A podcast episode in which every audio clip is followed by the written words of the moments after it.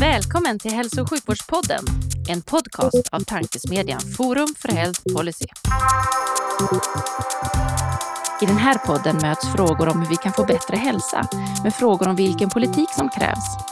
Det kommer bli samtal om personcentrering, ledarskap, digitalisering, organisation, politik och mycket mer.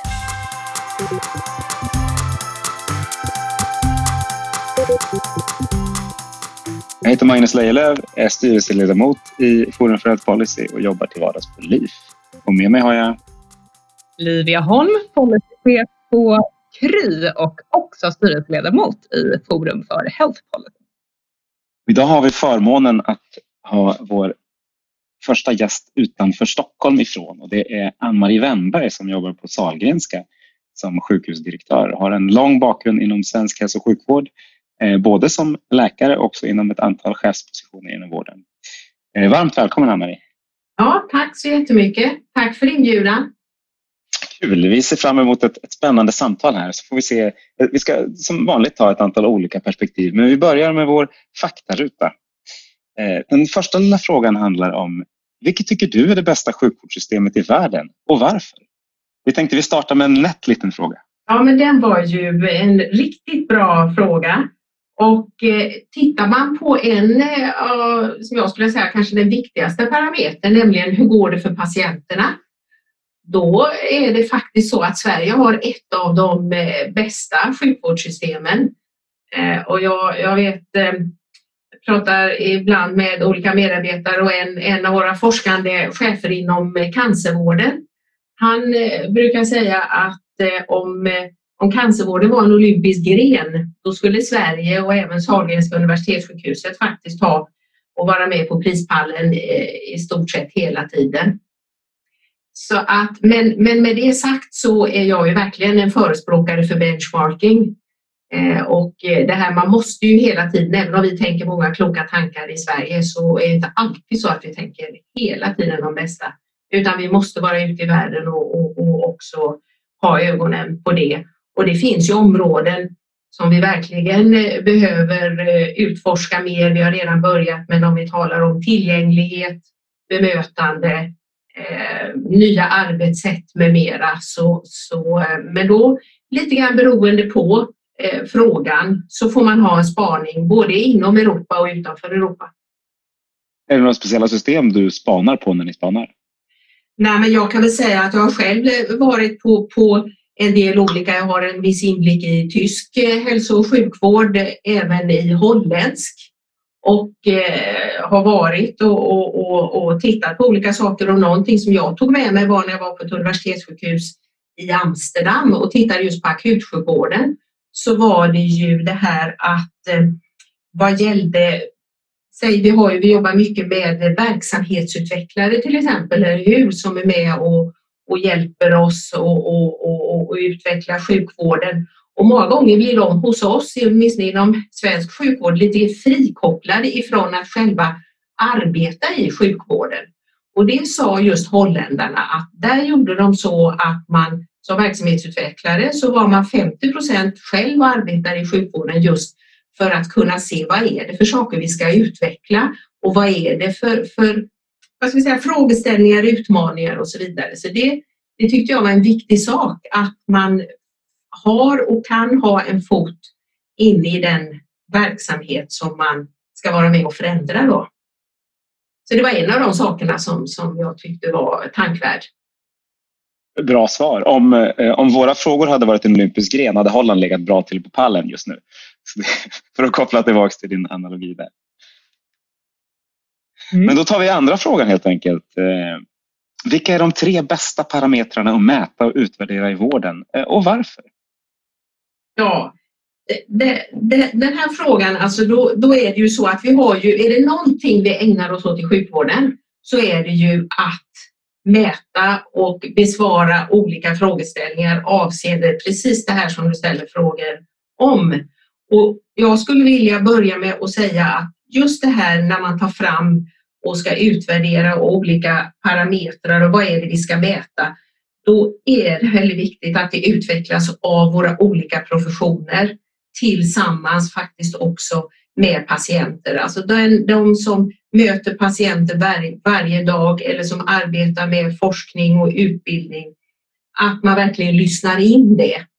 Därför det finns en tendens, eh, ju högre upp man kommer i vårdens hierarkier, att eh, vi kanske ägnar oss åt olika ja, processer, ekonomiska eh, frågeställningar, inte att förakta på något sätt, och managementfilosofier. Eh, eh så att det är viktigt att vi har just de här olika parametrarna så nära eh, den patientnära vården som möjligt och att vi är sparsamma med för att vi, det är någonting som man är duktig på allmänt och det gäller även mig själv att det finns ju mängder med saker att titta på.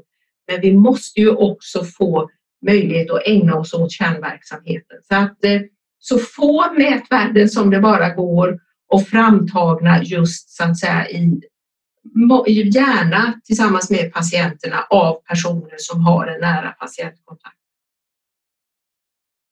Det här är ett eh, intressant perspektiv som har lyfts av samtliga tre medverkande nu i, i eh, podden hittills. Ehm, men av de här, givet att det kanske då finns en tendens att, att eh, mäta för mycket och för mycket i detaljer, finns det några mer övergripande eh, liksom mätvärden som, som du utifrån din erfarenhet ser brukar vara mer värdefulla än andra? Så att säga?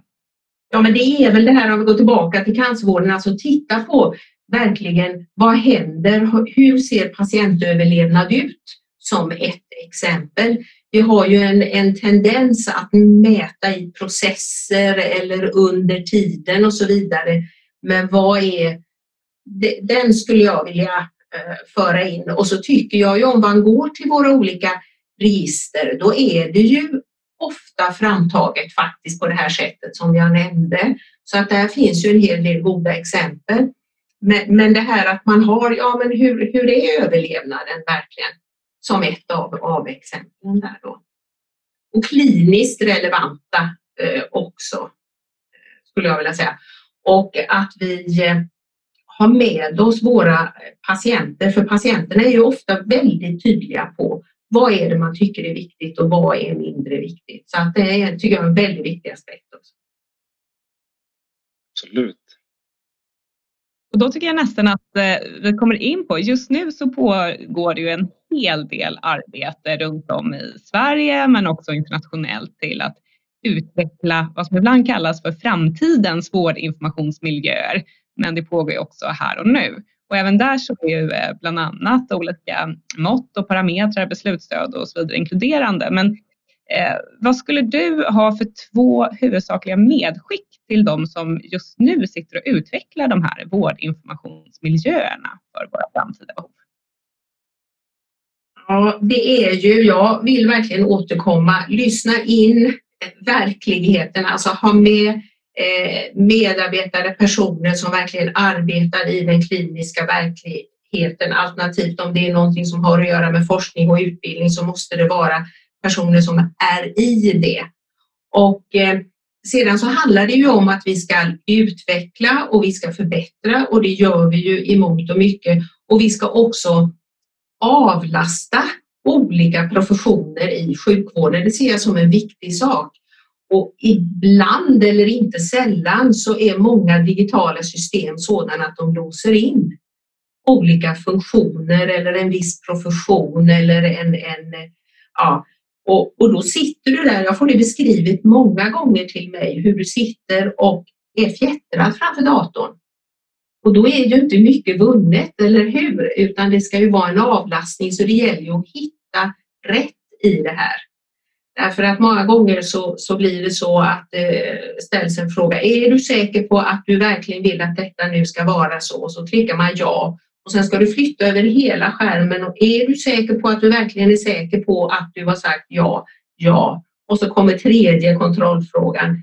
Det här är, förekommer, man, man kan tycka eller skratta åt det, men tyvärr är det så. så att den ser jag som en, en viktig eh, sak. Och sen är det ju också att det är säkert. Eller hur? Att det inte är sårbart. Vi har sett här i, i, eh, inom universitetet, eh, att man har ett, haft ett utslaget eh, eh och kalendersystem och så under en lång period. Alltså vi måste ju ha säkra system och som inte är för sårbara. Men annars så, så, så eh, är ju det här riktigt bra eh, saker och ska kunna då eh, göra så att vi kan standardisera oss, för det tror jag är viktigt, och också effektivisera oss och underlätta för eh, vårdens medarbetare. Ja, bra så. Ni sitter ju mitt, mitt i processen själva. Hur, hur upplevde du att det var att beställa den här typen av system? Ja, alltså det, det, är ju, eh, det är ju en, en stor beställning som har varit i vårt, eh, hela vår region, i Västra Götalandsregionen. Så att eh, vi har ju varit med och eh, många olika kompetenser och så vidare och jag upplever att eh, man, man har varit inlyssnande måste jag säga. Men, men, eh, och det vi kan vara med och bidra med det är ju just personer som är förankrade i verkligheten och som som ska arbeta med detta framöver att ta med deras synpunkter. Så. Ja, bra.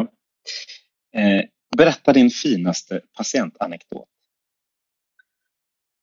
Ja, men, men där är det så. Jag har ju eh, haft eh, förmånen kan vi säga att få, få jobba mycket kliniskt men också då arbeta med klinisk forskning och det håller jag fortfarande på med. Och eh, fick vara med och, och, och jobba med och, och, vidareutveckla en helt eh, ny metod kan vi säga, någonting som förkortas PDT.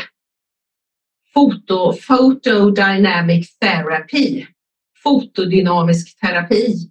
Och det är alltså en behandling för svårt eh, ska, i huden då, jag är ju hudläkare ursprungligen, i huden svårt solskadade eh, patienter eh, där, på, där det också fanns en viss typ av hudcancer som heter skivepitelcancer. Och hur den här metoden faktiskt kunde göra så att vi eh, kunde ta bort de här förstadierna till hudcancer och även förhindra att den här typen av hudcancer uppstod.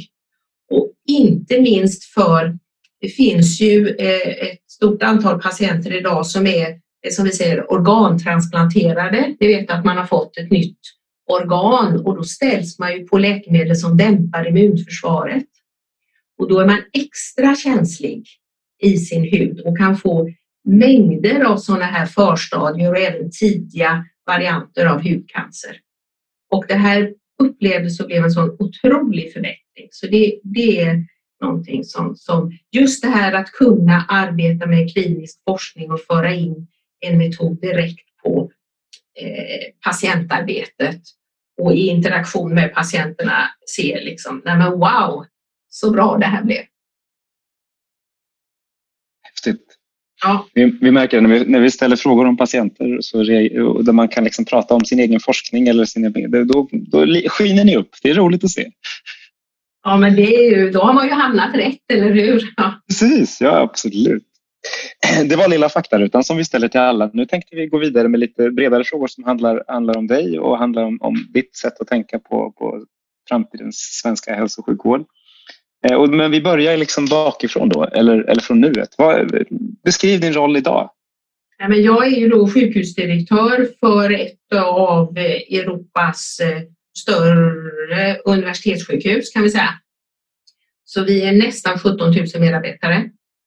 Och eh, vi eh, kan säga vi har, vi har tre uppdrag för att, att, att göra det väldigt kort, nämligen arbeta med sjukvård, forskning, utbildning, utveckling och innovationer och vara med och bidra till en attraktiv region och ett attraktivt land.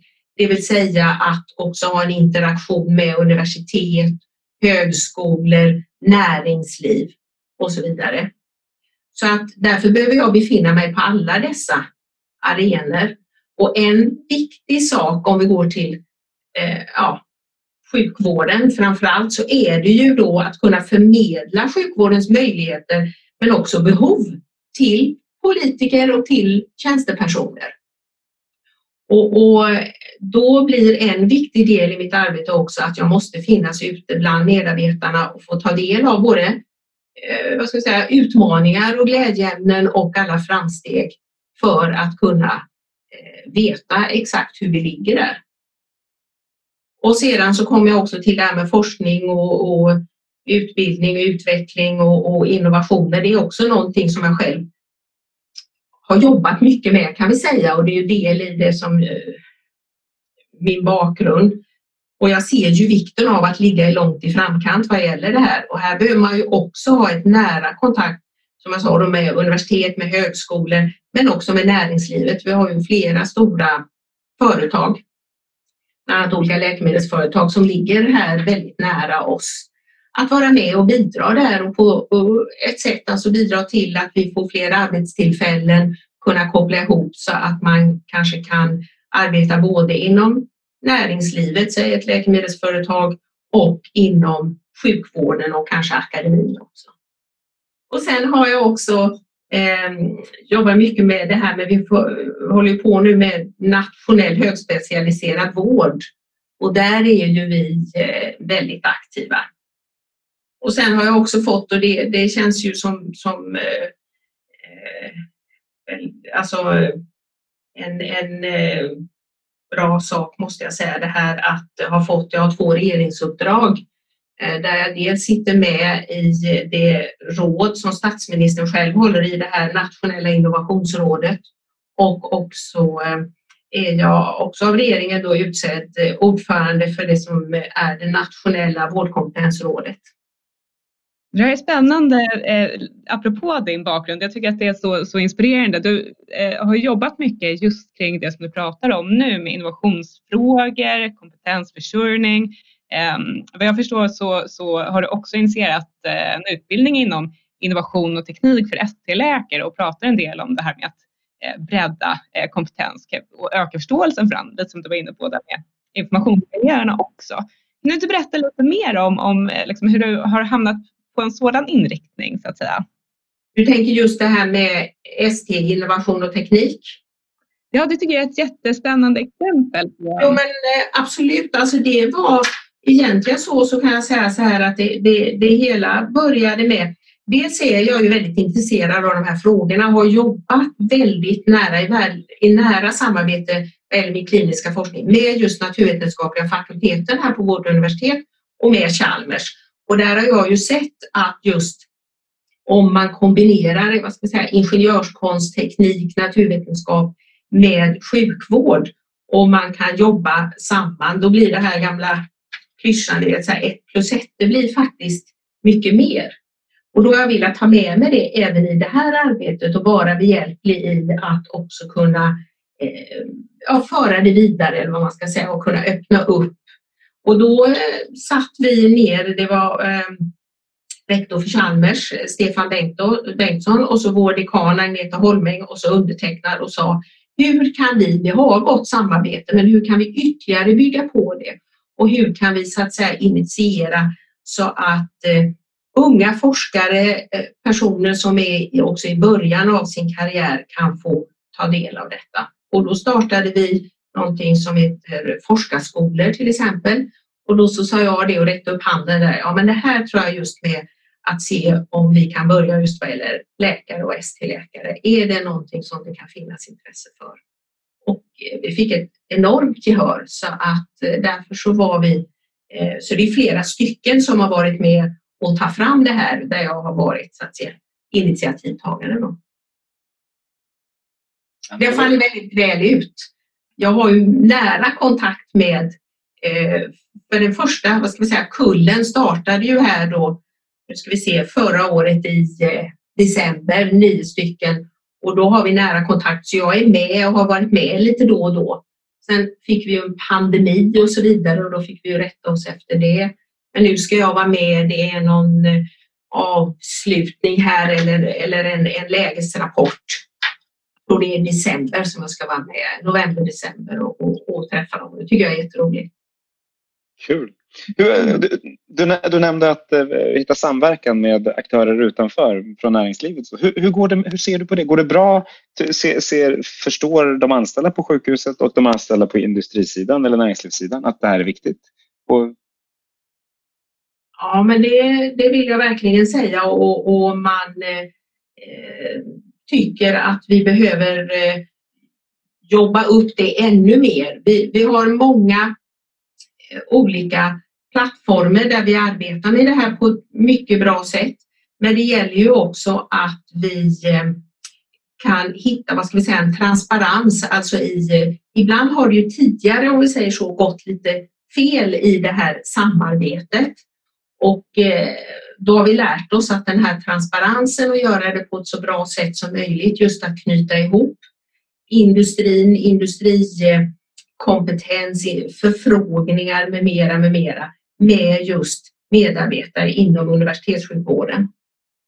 Och jag skulle vilja säga att det finns ett stort intresse av det här. Vi måste bara göra så, så att man får tid och, och möjlighet och, och, och, att vi hittar rätt personer med mera, med mera. Så det gäller ju att, att engagera både chefer och, och medarbetare och att eh, kunna öppna upp.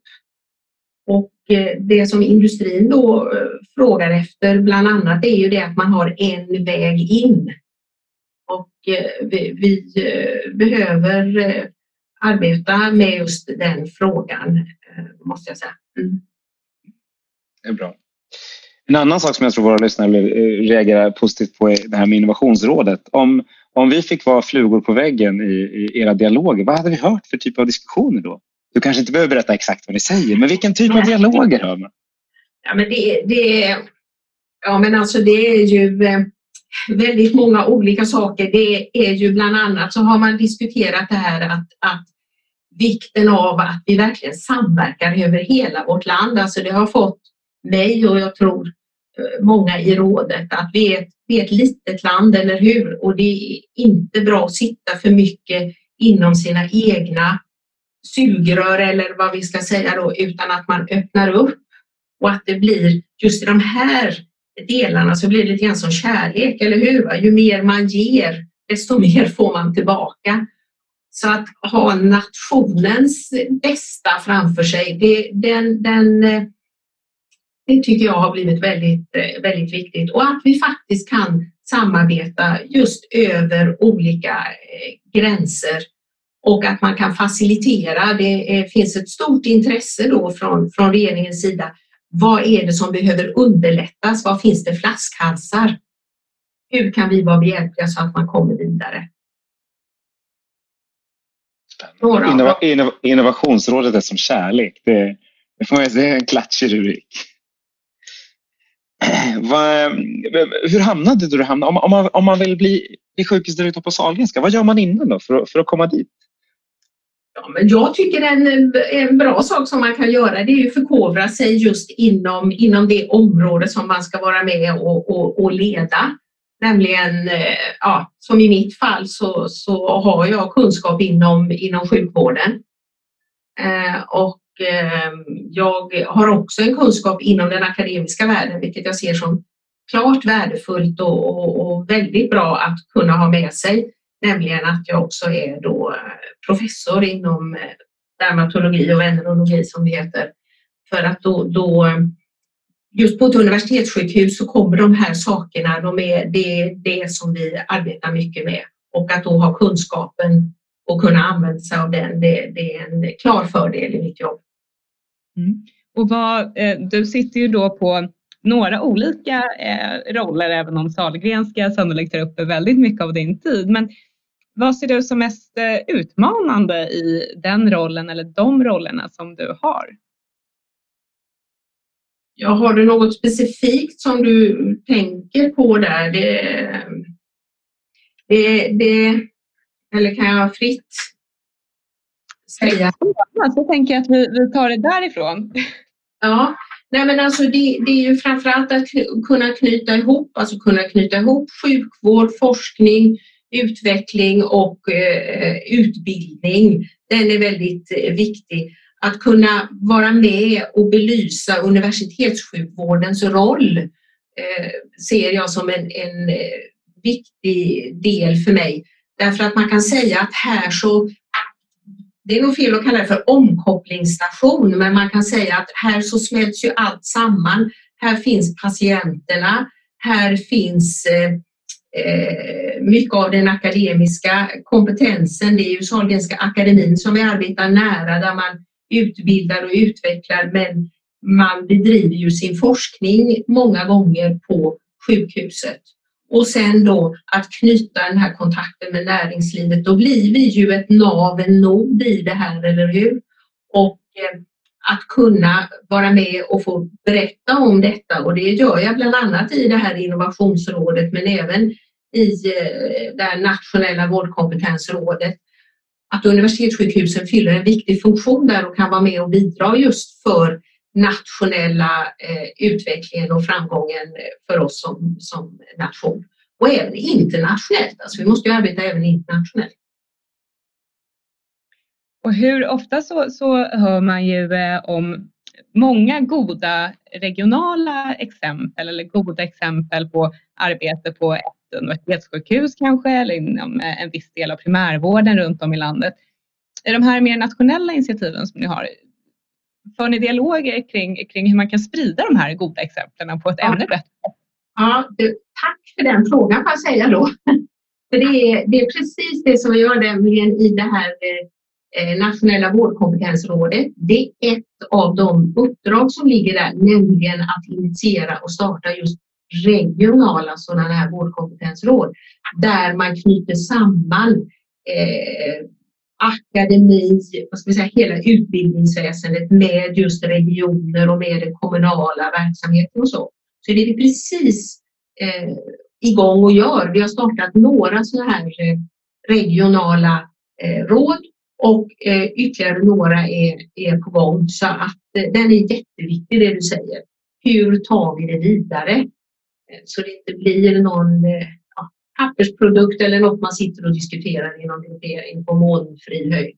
Det är jätteviktigt att ha markkontakt. Bra sagt. Vad är det roligaste i rollen du har idag? Ja, men det är ju absolut det är ju kontakten med medarbetarna. Att, eh, jag tycker det här är så eh, berikande för mig att få vara ute och träffa och göra olika så att säga eh, träffa olika medarbetare inom olika verksamheter och när man berättar, alltså dels så, så är det viktigt att höra om vad är det som är eh, problem eller, eller utmaningar som vi nu säger här nu och eh, också vad är det som händer och allt faktiskt fantastiskt som görs. Det är, jag blir varenda gång mycket imponerad och det är också en av de sakerna som jag behöver ta med och förmedla. Allt faktiskt eh, som är så bra och som görs. Och som behöver synliggöras. Eh, vi försöker så gott det går men eh, ibland så kan det vara så att det kanske fokuseras mycket. Nu är jag lite utmanad i det här men att media att det, det är lätt att fokusera på de saker som inte fungerar och de är viktiga. Eller hur? De måste vi också se. Men det är väldigt, väldigt mycket som fungerar fantastiskt väl. Du, du låter väldigt stolt när du pratar om Sahlgrenska Absolut, ja men det är jag. Vad, vad, vad, är du stoltast över då? Kan, vågar man plocka en sak? Det här är kronan på verket. Ja, men då vill jag säga, då vill jag säga det är medarbetarna alltså. Det, alltså bara det, nu har vi inte pratat så mycket om det, men, men eh, när det var som, det är fortfarande mitt i en pandemi, men när det var hittills det mest intensiva under våren, det, det att kunna så att säga då, apropå innovationer och apropå förbättringsarbeten med mera, med mera, att kunna så att säga klara den värsta pandemin på över hundra år i Sverige, vilket sjukvården och sjukvårdens medarbetare gjorde, det är fantastiskt. Men det är härligt. Det är också kul när vi sitter nu och spelar in via Zoom och det känns hur naturligt som helst. Pandemin har sina fördelar kan man säga. Verkligen. Jag tycker att det är spännande att du, du lyfter just medarbetarna och hur mycket, ofta när vi pratar om innovation så tycker jag att man hamnar i de här väldigt, väldigt liksom breda penseldragen, eh, stora transformationer. Men innovation är väldigt mycket i det dagliga arbetet och hitta nya arbetssätt och och utveckla verksamheten. Eh, en fråga som vi brukar ställa det är eh, vad du tror att eh, årets innovation i svensk hälso och sjukvård kommer vara när det här året är slut. Det har ju varit ett väldigt utmanande och annorlunda år. Har du några, några sådana här goda exempel som du har varit ute och, och mött som du vill lyfta? Ja, men det, det, finns ju, det finns ju mängder med, med sådana exempel, eller hur? Och, och, jag håller med dig att det inte alltid de här stora penseldragen utan det kan vara väldigt enkla funktionella eh, saker som görs. Och, och, här har jag ju till exempel bara det att kunna använda sig av en, en smartphone till exempel. Nu är det eh, så att säga men det är ju någonting som är sprunget ur en verksamhet, det här att du kan ta kort till exempel på dina födelsemärken. Och du kan genom ett samarbete då antingen med patienter direkt men, men eh, vad ska jag säga, vårdcentral och specialister. Och då har man sett genom då och gjort eh, ett antal kliniska forskningsstudier sett att man, man kan korta köer och man kan också rädda liv genom att, att använda sig av detta. Nu är den inte det absolut senaste utan den finns sedan en tid tillbaka. Men det är ju många sådana här eh, saker som är viktiga att, lyfta fram. Absolut. Jag tycker att jag skulle vilja att precis eh, det finns eh, mycket, mycket annat och vi jobbar väldigt mycket med det här som heter AI. Ni vet eh, artificiell intelligens och det är många som blir trötta när man säger det, men där finns också ett antal saker som man kan använda sig av för att just avlasta vårdens medarbetare. Och där har vi inom ögonsjukvården till exempel inom olika radiologiska undersökningar med mera, med mera. Och eh, just att eh, kunna lyfta fram det och se hur, hur bra det blir. Vi har ett bara för att säga något som heter Skapis till exempel, där man har tittat på, man har, har ju tagit prover, mängder med prover på 30 000 patienter i vårt land. Och man har fått in mycket avseende till exempel hur hjärtat ser ut, hur kranskärlen ser ut. Och så har man kunnat titta på och ta fram eh, uträkningar, algoritmer för att så småningom kanske kunna förutsäga vem får en hjärtinfarkt och vem får inte en hjärtinfarkt. En annan sån här sak det är ju att vi kan nu mer plocka ut eh, proppar i hjärnan. Det är också eh, någonting som bara de senaste åren har kommit fram för att förhindra det här med stroke. Bara som några exempel. Så det händer otroligt mycket. Bra där. Jag blir aldrig trött på AI så länge jag får höra bra exempel på hur det används. I vår vardag använder vi det hela tiden men när man får höra de bra exemplen från sjukvården det hör jag jättegärna länge till så länge vi kan utveckla det. Eh, men när vi är inne på, på AI, så vi pratar mycket om, om digitalisering. Eh, det är ett mm. av Livias favoritområde. Vad, vad betyder digitalisering för dig?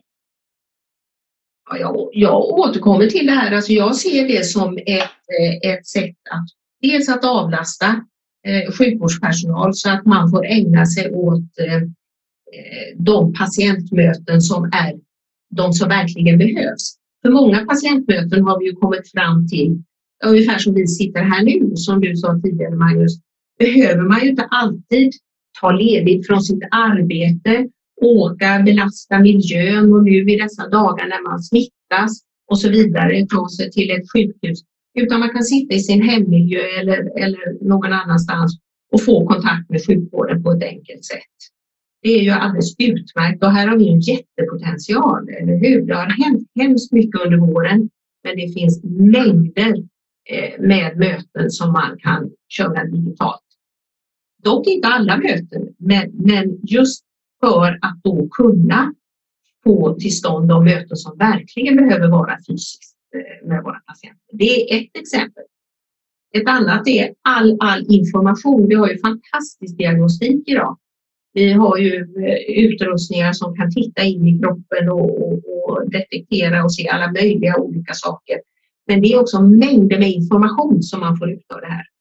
Och där kan vi göra att maskiner, vi lär maskiner att bearbeta denna information och kunna leverera den på ett säkert och mycket snabbare sätt än om vi ska ha personer som sitter till exempel och tittar på en viss typ av röntgenbilder med mera, med mera.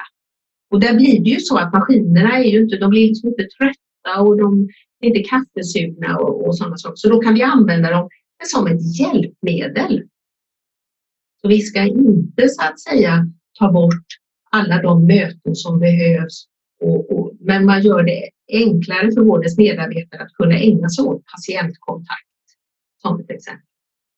Du, du beskriver en lite annorlunda vardag för en läkare eller sjuksköterska eller annan vårdprofession framöver. Behöver man ändra sättet man utbildar och den typen av personer som man utbildar till, till vårdprofession framöver? Förlåt för den lilla nätta frågan. Nej, men jag, jag tycker den, eh, tack för den frågan vill jag säga. Alltså den, den, precis så är det. Alltså vi måste ändra våra utbildningar. Vi måste se till så att eh, det här kommer in i utbildningarna, även grundutbildningen.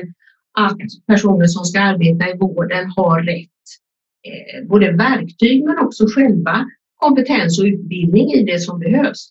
Och sen så, det är något som jag pratar mycket om det här att vi behöver nya kompetenser inom sjukvården. Vi var inne lite på det vad gäller det här ST, teknik och innovation. Eh, jag pratar om ett nära samarbete med, med Chalmers till exempel. Och, och, och det här att ibland så säger vi att man kanske ska vara både kunnig inom sjukvård och kunnig inom ingenjörskonst. Och, och, eh, vi ser ju i våra nya, det som man säger, ni vet nya operationssalar som kallas hybridsalar, där man ju använder teknik väldigt, väldigt nära under till exempel en operation. Och att man ser att man behöver helt, eh, vad ska jag säga, andra typer av, av kompetenser. Så det, det är ju verkligen viktigt. Bioinformatiker till exempel, det är också någonting som vi ser och det finns ett stort behov av. Så att eh, det här är någonting som hela tiden utvecklas. Jag blir nyfiken, hur, hur närvarande eller hur väl integrerat är de här två perspektiven? Jag tänker just vårdkompetensförsörjning och innovation.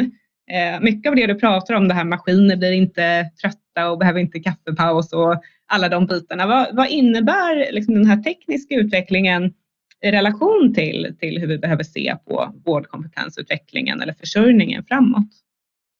Ja, alltså vi har ju börjat inom några olika områden eh, och då kommer jag tillbaka till det här som jag sa som heter Skapis, den, den eh, hela den studien och allt mängder med material som man har fått in. Och hur nära då sjukvården, jag har själv varit med och ser det, hur då eh, BMAer och sjuksköterskor och läkare arbetar i samma rum som civilingenjörer.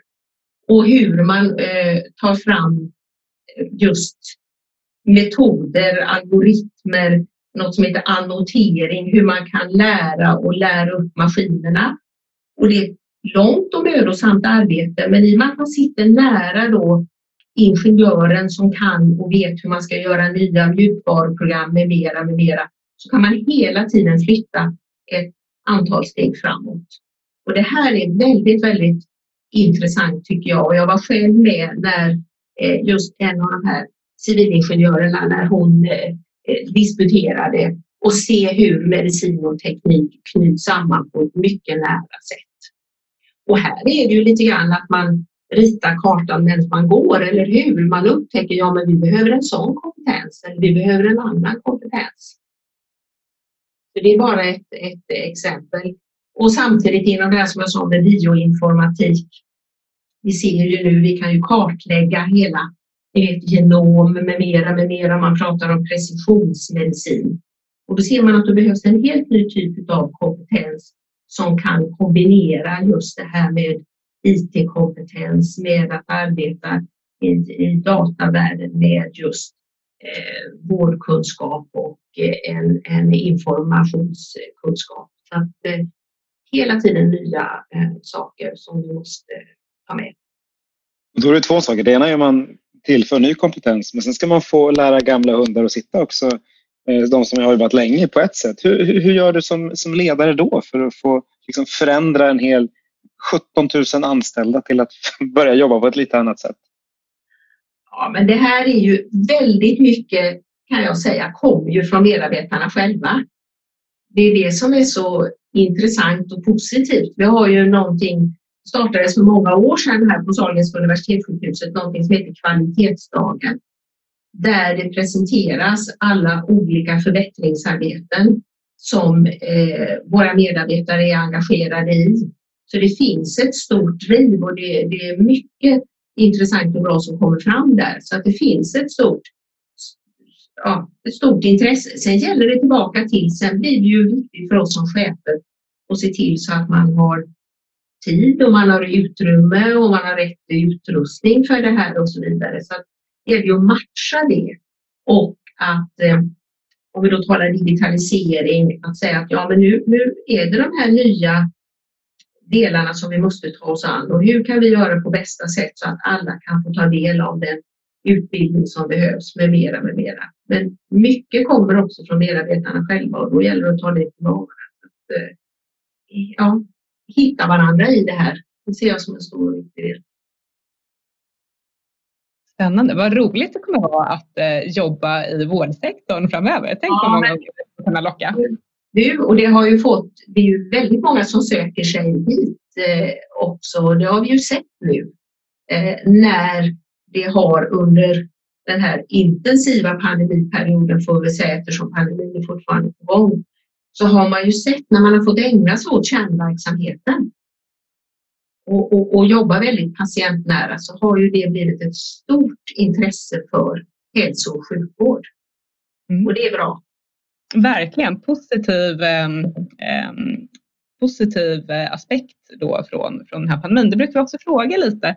Mm. Finns det några lärdomar som, som vi kan dra redan nu från det här senaste året från ditt perspektiv? Jo, men så är det. Så är det. Först så, så måste vi ju säga det här att det har ju varit ett jätteslitsamt och arbetsamt, eh, arbetsam vår för just vårdens medarbetare, eller hur? Och, eh, men man har gjort ett helt suveränt arbete, precis som jag sa tidigare. Och, och det har varit väldigt tufft och inte minst för, för eh, patienter. Så det ska vi ha med oss. Men, men sedan just det här temat som Churchill myntade, eller just där Never waste a good crisis, så finns det ju saker som vi ändå kan ta med oss. Och det är lite det vi har talat om, det här med digitaliseringen, eller hur? Att den har tagit ett jättesprång och att man har upptäckt, både patienter och medarbetare upptäckt väldigt stora fördelar av det här. Vi har också satt fokus på det som eh, kärnverksamhet och med kärnverksamhet så menar jag det patientnära, men också för vår del som universitetssjukvård så handlar det ju om just det här med forskning och utbildning och innovationer som vi pratade om. Just att, att inte bli, vi, var, vi pratade om mätningar och, och, och kontroller och sånt lite grann i början. Jag, jag hävdar ju att vården störs i mångt och mycket av en administration som vill väldigt väl men som har blivit för tungmanövrerad kan vi säga.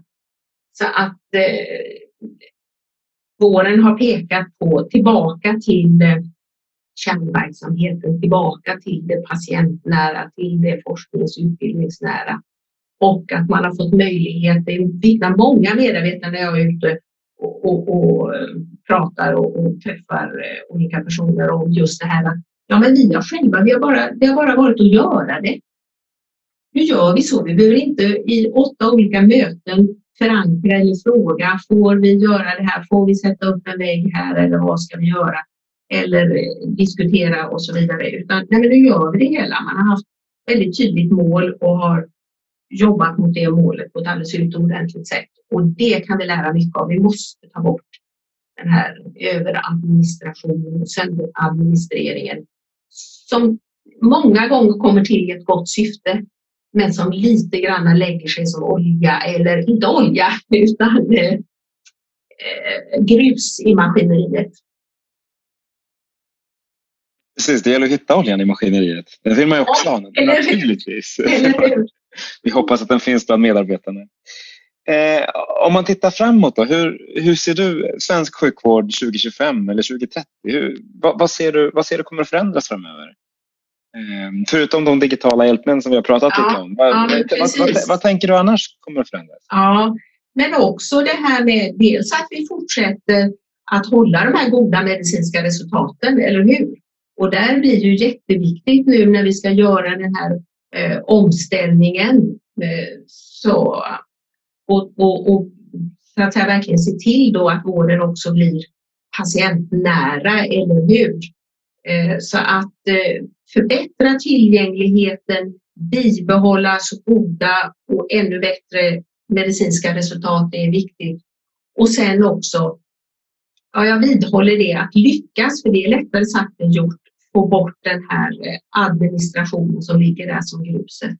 Så att vi har kommit så långt fram. Därför att sjukvården, det är ju snart, vad ska vi säga, the sky is the limit. Vi kan göra mängder med saker inom sjukvården och då vill vi ju gärna att det ska komma våra patienter till gagn. Men sen måste vi också, det har vi inte pratat så mycket om, det här med prevention, eller hur? Helst ska man inte bli sjuk. Nu kan vi göra väldigt mycket. Vi kan, vi kan bota i mångt och mycket eh, kroniskt sjuka patienter och cancerpatienter och så vidare. Och, och det är ju verkligen, verkligen bra. Men om vi tittar på eh, finns det olika saker vad gäller kanske hjärtsjukvård med mera kan vi i preventiva syften alltså arbeta med eh, olika saker där, motion till exempel och så. Det är ju också en viktig sak. Eh, patienterna har ju olika, vi pratar, du pratar mycket om patienter och det gillar mm. vi ju skarpt. Eh, mm. De har ju en förväntan på hälso och sjukvården som jag mm. känner håller på att förändras. Eh, hur ser du att framtidens patienter, vad kommer de ha för förväntningar? Hur kommer vi kunna uppfylla det som, som motpart i vården? Jag tycker vi ska jobba mycket mer eh, personcentrerat. Det är någonting personcentrerad vård. Det är faktiskt framtaget här på Sahlgrenska akademin tillsammans med Sahlgrenska universitetssjukhuset och något som vi införde här på, på en del av, av Sahlgrenska universitetssjukhuset med östra tomten på medicinkliniken där och som vi har fått in i stora delar av vårt sjukhus också hela i Västra Götalandsregionen. Och, och där är att man, man måste, vi, vi måste arbeta nära våra patienter och jag tycker det är bra patienter måste vara med, vara med som kravställare och säga så här och så här vill vi ha det. Jag menar, det är ju, man vill ha det lättillgängligt, eller hur? Och man vill ha mycket digitalt. Och det måste vi rätta oss efter. Det är så ett, ett väldigt nära samarbete, jobba mer enligt det här personcentrerade sättet, då kommer man en bra bit på vägen vill jag säga. Vi börjar närma oss våra lyssnare har snart sprungit milen. Eh, det tycker ja. vi är ett ganska bra mått på att de har fått träna mycket och röra sig och sådär. Är det något du känner att, eh, att du inte har fått säga som du, som du hade velat säga? Jag får nog ge er en eloge här att ni har tänkt och täckt mycket så att jag, jag eh, känner mig som att jag verkligen har fått prata här och prata om det som ligger mig varmt om hjärtat nämligen svensk sjukvård och allt det bra som finns där och hur vi kan gemensamt förbättra den. Vad trevligt att höra. Det har dessutom varit väldigt trevligt. Det, det gillar vi ju. Det är mycket roligare med sådana samtal. Tack. Eh, men då tackar vi, förutom Anna så tackar vi er som har lyssnat på Forum för Health Policies, vår podd. Kommentera gärna och, och ge förslag på, på andra personer att intervjua så tar vi det här till nya höjder. Tack så mycket! Thank you.